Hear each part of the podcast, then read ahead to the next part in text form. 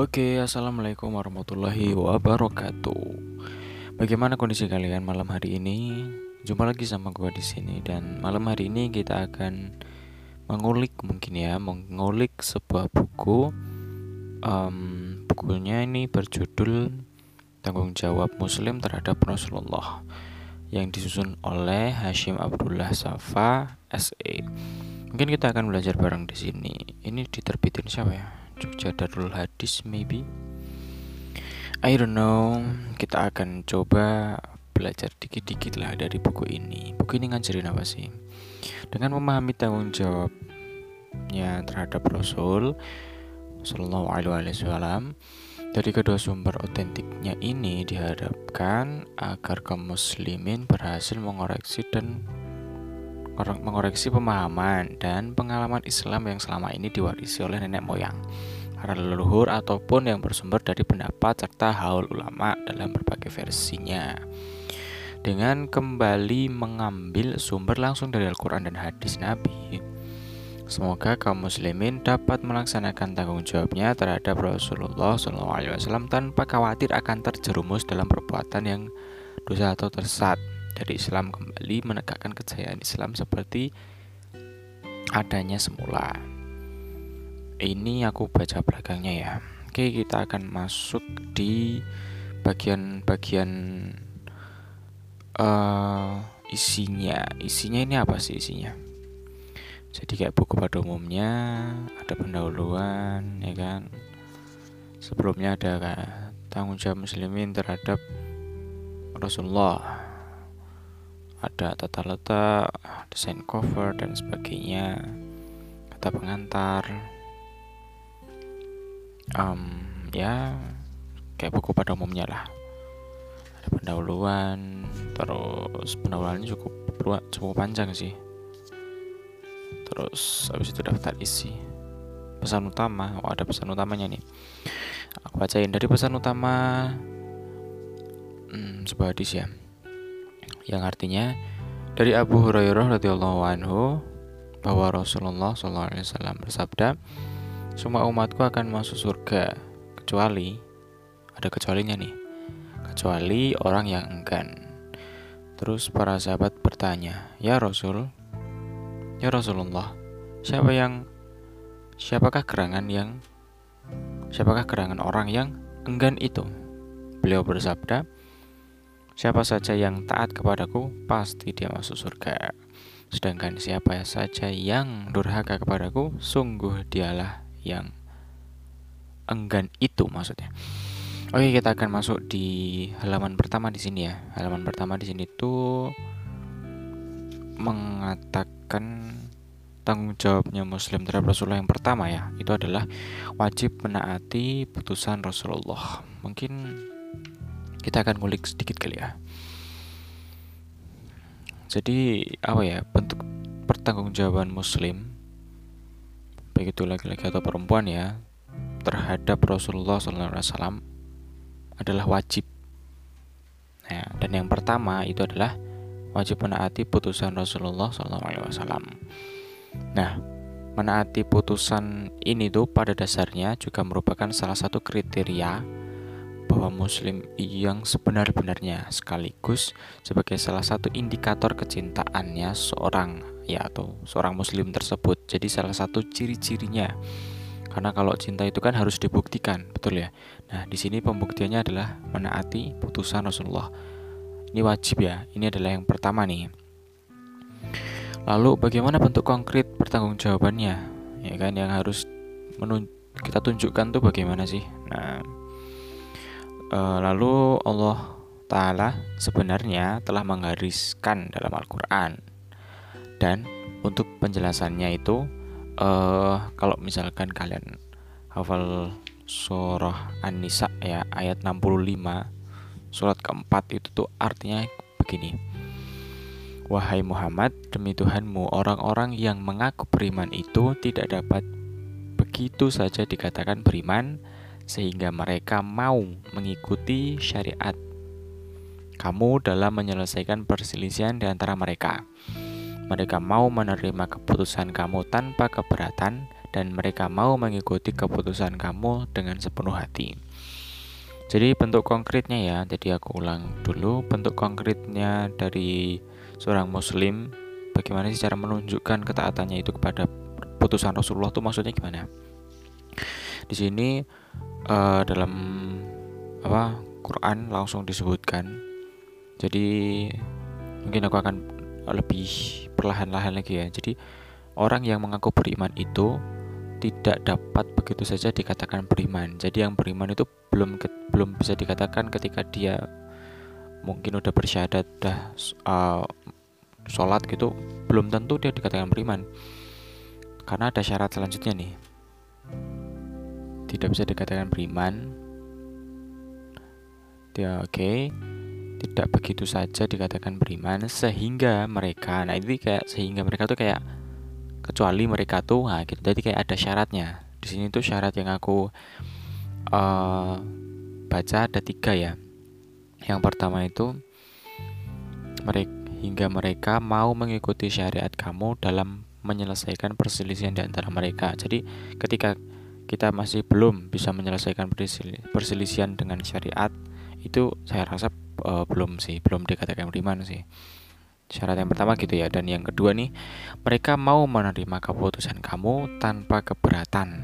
Jadi nggak dipilih-pilih nggak kayak prasmanan ketika nikahan gitu ya. Jadi semuanya menerima keputusan kamu tanpa keberatan. Jadi yang kedua itu dan yang ketiga adalah mereka mau mengikuti keputusan kamu dengan sepenuh hati. Jadi orang gersulo orang uh, gelisah artinya. Jadi emang ikhlas apa ya mengikuti gitulah.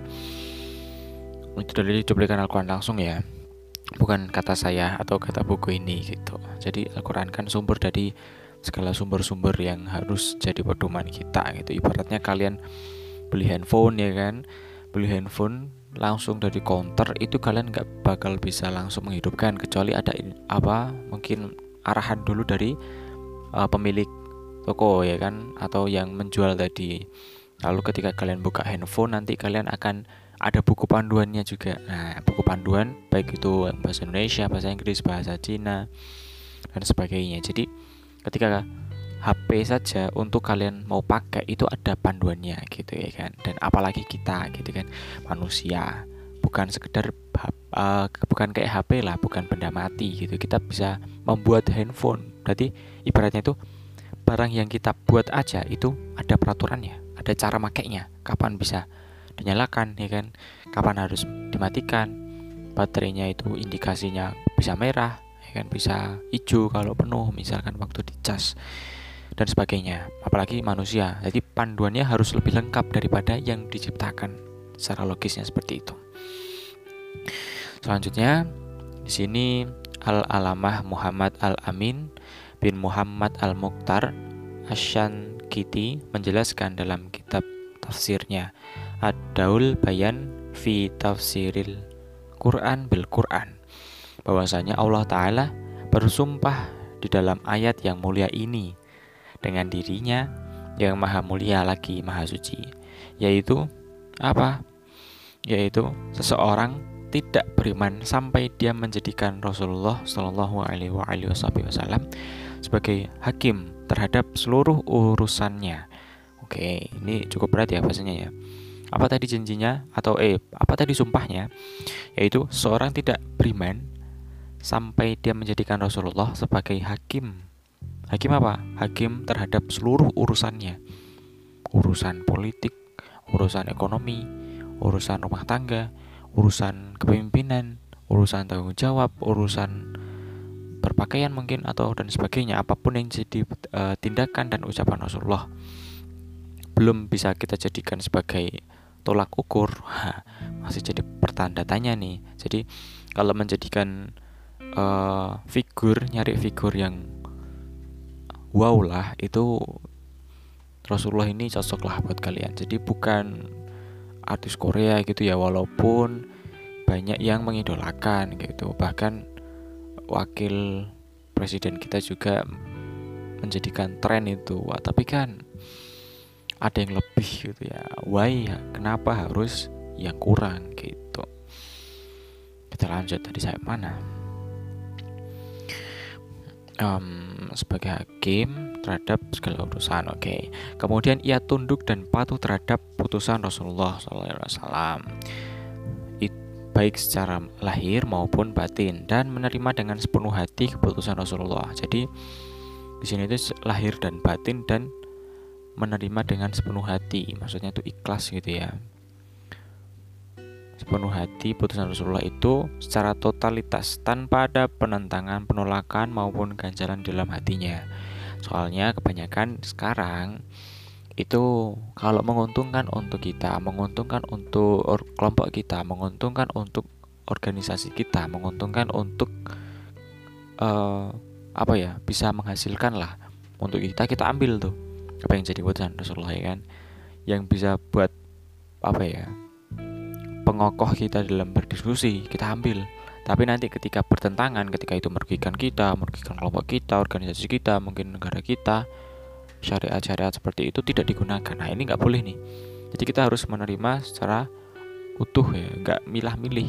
Bahkan di sini dituliskan kita harus lahir batin dan menerimanya itu dengan sepenuh hati bukan setengah hati separuh hati seperempat seperdelapan hati. Jadi nggak setengah-setengah.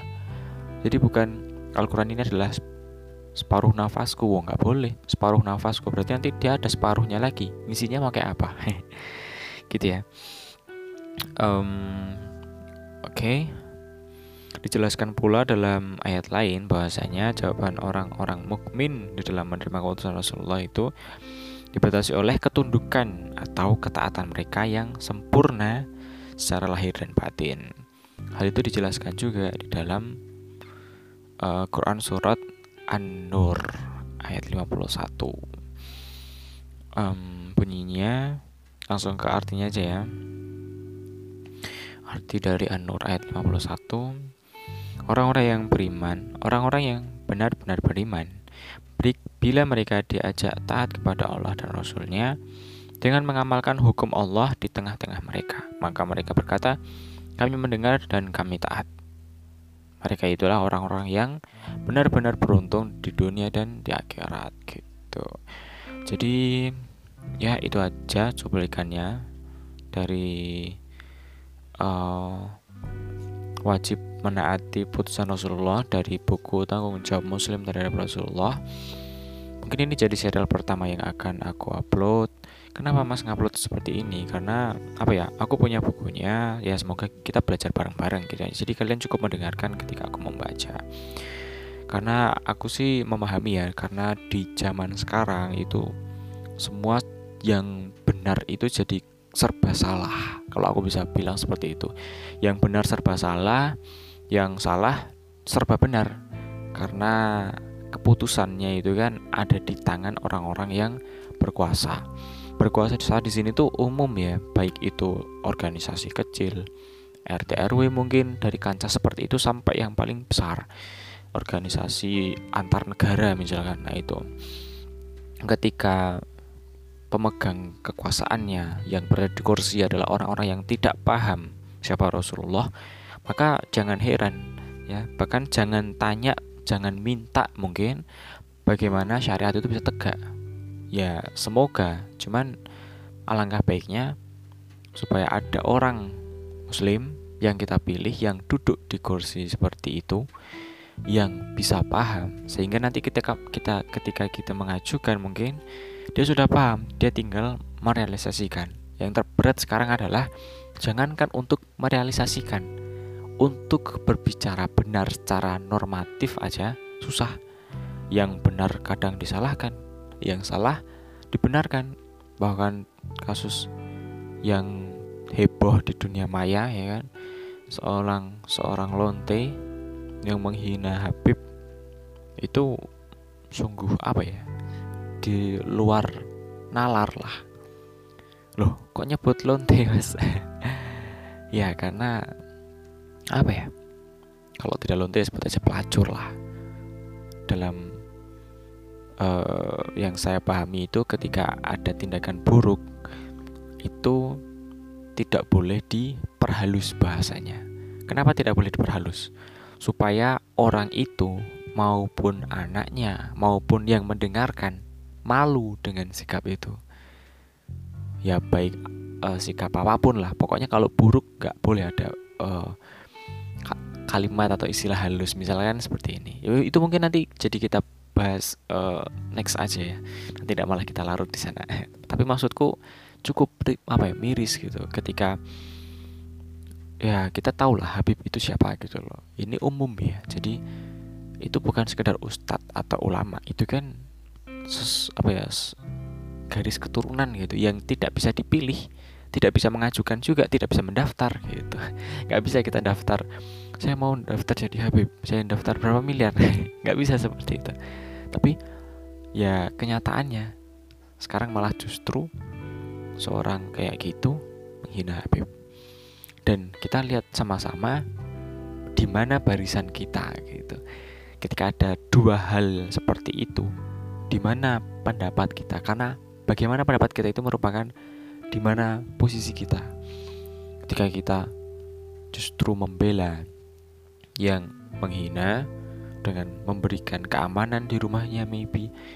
Berarti itu ya kita posisinya berada di situ. Itu kan cukup miris ya. Jadi uh, karena aku apa ya nggak mau banyak dari adik-adik itu ikut larut dalam hal itu ya. Walaupun pasti masih ada yang bersih jernih pikirannya. Cuman kita ngobrol santai lah di sini. Kita ngobrol santai dan kita bahas tuntas apa sih tanggung jawab kita tuh terhadap Rasulullah gitu loh. Kita harus tahu gitu ya kan? Karena sayang kita udah berislam itu sejak bayi ya kan? Jangan sampai kita tuh berislam sejak bayi tapi pemahamannya tuh ibaratkan ngaji dari apa ya balita balita uh, al-ikhlas al-falak al-anas ya kan? Trikul gitu sampai SMA kuliah tidak ada kemajuan. Jangan sampai itu seperti itu ya kan? Maka itu kita harus ada progres. Kita harus ya tahu sedikit sedikit lah. Nggak apa kita santuy ya aja nggak ngobrol ya kan? Ini bukan pengajian ya bor karena gue ngobrolnya juga di ruangan biasa di kursi gue buka buku gue rekam. Gitu aja sih mungkin ini uh, episode pertama di buku ini. Intinya sih itu ya jadi kita tuh sedikit-sedikit lah kita mulai paham siapa sih Rasulullah dan kenapa kita tuh udah muslim ya. Terus kita harus ngapain gitu ya. Tadi kan udah dijelaskan setidaknya di dalam Anisa ayat 65 ada juga di surat An-Nur ayat 51 ya pelan-pelan sih semoga bisa berjalan kita bisa menjadi pengikutnya Rasulullah yang bisa mendapat syafaatnya lah kita berharap syafaatnya berarti kita harus mengejar bagaimana caranya mendapat syafaat itu gitu. Jadi misalkan kita mengejar beasiswa kita nggak bisa cuma mengatakan saya akan kejar beasiswa. Nggak bisa. Kita harus cari gimana caranya dapat beasiswa itu. Bahkan ketika kita tahu kita nyari search di Google atau cari di Instagram kita akan nemu syarat satu berusia sekian sampai sekian misalkan. Dua TOEFL di atas sekian. Itu kan syarat. Ketika kita mau mencapai sesuatu kita mau ikut sesuatu ada syaratnya. Itu padahal cuma sekedar beasiswa. Apalagi yang kita harapkan ini ya akhir zaman gitu kan. Kita berada di kelompok-kelompok orang yang memang dilindungi kebenaran ya kan. Lingkungannya juga mendukung. Kita juga nanti meninggal dalam kondisi uh, nyaman lah di tempat yang benar ya kan? Tidak suul khotimah tapi kusnul khotimah ya kan? Itu kan apa ibaratnya itu keinginan dari semua muslim. Tapi sebelum ke sana kita harus tahu mumpung masih hidup masih diberikan nafas apa saja yang harus kita tanggung jawabkan atau kita berikan kepada Rasulullah. Itu tanggung jawab kita. Bukan Rasulullah minta tapi kita harus sadar diri lah. Ngaca bro. Ya kan? Kita berharap syafaatnya Rasulullah tapi kita nggak ikut apa yang Rasulullah lakukan. Kita nggak ngikutin apa yang jadi instruksinya Rasulullah. Syarat 1, 2, 3, 4, 5 nya nggak kita ikutin. Ya nggak bakalan masuk bos. Ya kan? Itu aja sih. Ini aku ngerekamnya pagi dan mungkin aku upload malam. Thank you buat kalian udah mendengarkan sampai sejauh ini. Nih berapa menit aku nggak ngelihat. Thanks. Uh, maaf juga kalau ada salah kata dari aku. Selamat malam, selamat istirahat. Semoga kalian nyenyak tidurnya maybe. Kita aja. Assalamualaikum warahmatullahi wabarakatuh.